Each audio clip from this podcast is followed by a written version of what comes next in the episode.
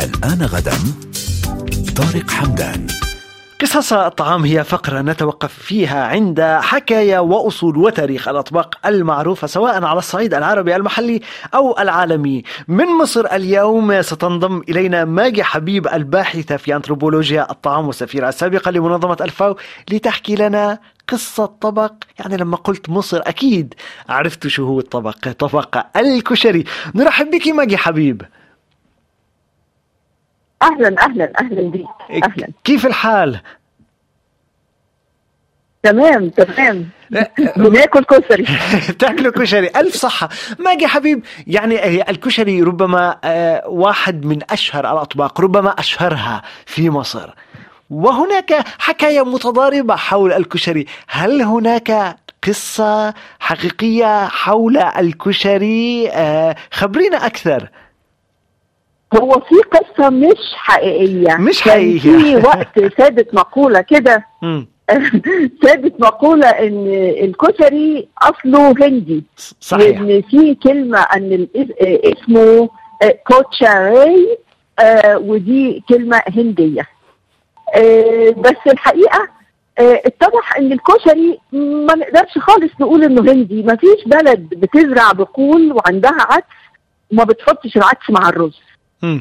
بس إحنا لقينا في كتب قديمة آه، وصف للأكلة دي كأكلة مصرية قصر على العدس ال- الأسود بنسميه في مصر العدس أبو جده آه، مع الرز ومع عصرة ليمون وده أصل طبق الكشري.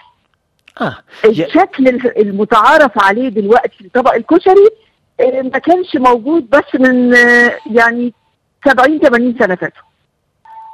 آه إذا طيب آه يعني الطبق التي أشرت إليه آه آه العدس مع الرز هذا موجود حتى كمان آه في معظم البلدان العربية مثلا في فلسطين في لبنان بيقولوا له بالضبط. لم- لمجدرة. آه، كيف تطور هذا الطبق وأصبح بالظبط كيف تطور وأصبح كشري في مصر؟ هو ال- الكشري كان أكلة بيتية أكلة بتتعمل في البيوت زي ما حضرتك ذكرت. في في دول الشام كلها وفي الهند وفي غيرها. في أي بلد فيها زراعة بقو يعني فيها الاثنين دول عدس ورز حطوهم على بعض. آه، في مصر بقى آه، آه، مع دخول المكرونة اللي هي ما دخلتش يعني ما كانتش حاجة سل... كانت سلعة استفزازية المكرونة لغاية مثلا الخمسينات. نعم.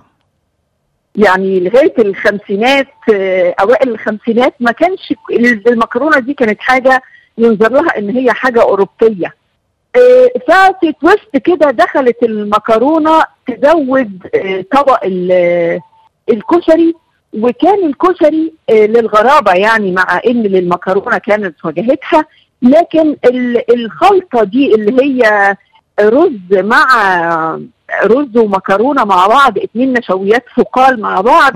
كانت دي حاجة مالئه وكانت تتواجد في عربيات مش في محلات آه. عربيات للكشري في الأحياء الشعبية اللي هي أكلة تناسب العامل الشقيان اللي بفلوس قليلة قوي لازم يشبع قوي يعني. لازم يملى يملى معدته. ويملى هذا الفراغ ويدخم بأقل القليل. جميل. فكان الكشري لغايه اتفضل. آه، هل هذا يعني ماجي حبيب اتفضل. آه، نعم. هل هذا يعني أن طبق الكشري الذي نعرفه اليوم آه، يعود إلى مرحلة الخمسينات الستينات؟ آه الخمسينات آه ال- الخمسينات كأكلة آه مش هقول يعني أكلة قاصرة على الفئات الشعبية جدا. آه طيب.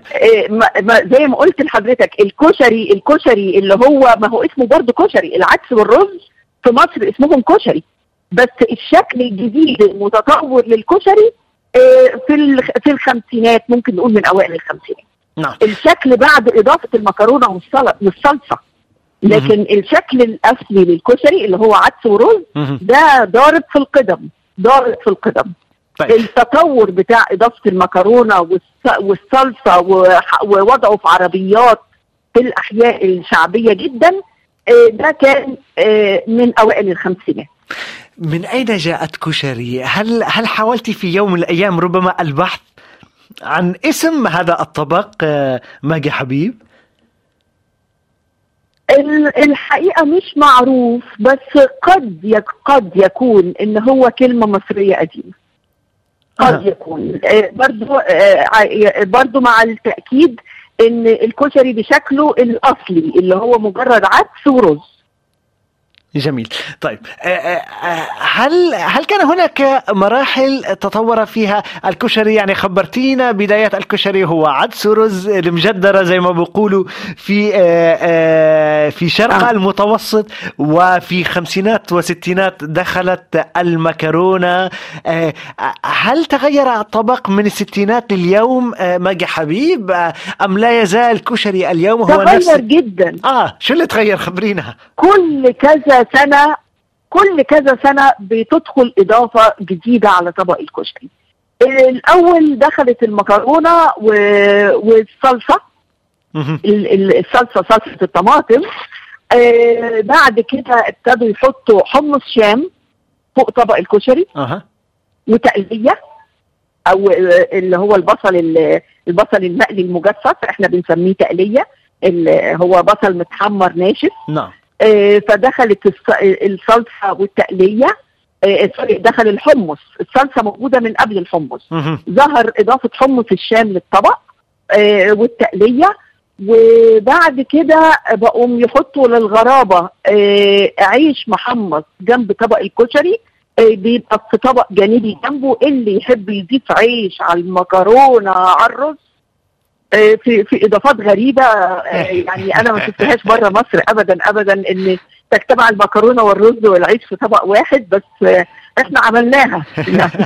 آه، فظهر هذا العيش المقلي في الزيت على فكرة هذا العيش مقلي في الزيت زي عيش الفتة في الشام مثلا عيش متحمص مقلي في الزيت يتحط فوق الطبق آه وظهر إيه كمان؟ آه وظهر إنه طبق جانبي بيتقدم جنبه طماطم مخللة بالثوم والشطة. جميل. قطع طماطم. يعني طلعي هالطبق جنب طبق الكشري. هالطبق يجمع كل شيء ولكن ولا مرة آه، آه، آه، رأينا اللحوم تدخل إلى هذا الطبق.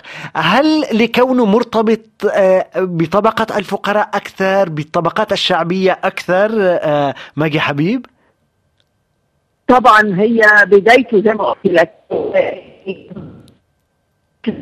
ليا تصنعها الأمهات والزوجات في البيوت أول ما خرج للشارع خبط آه، خرج في المناطق آه، اللي فيها عمالة كادحة يعني عمالة كادحة ل- كوجبة سريعة مهم. آه، واستمر كده ما خرجش من المناطق دي يمكن أول محلين ظهروا في وسط البلد داون تاون يعني نعم. وسط البلد القاهرة الخزيوية آه، كانوا في أوائل السبعينات فظهروا كمحلين منطقه آه، راقية جميلة.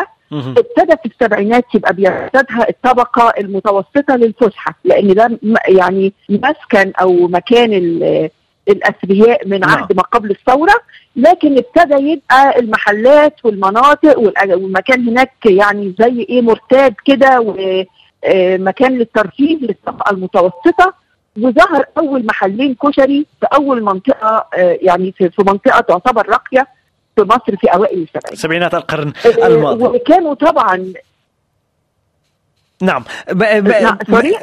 نعم ماجي حبيب آخر شيء يداهمنا الوقت وهناك أسئلة كثيرة عن الكشري. إذا أنت أها. تؤكدين لنا أن طبق الكشري ليس له علاقة بالهند وليس له علاقة بالجنود آه، الذين أتوا مع الاحتلال البريطاني آه، إلى مصر و...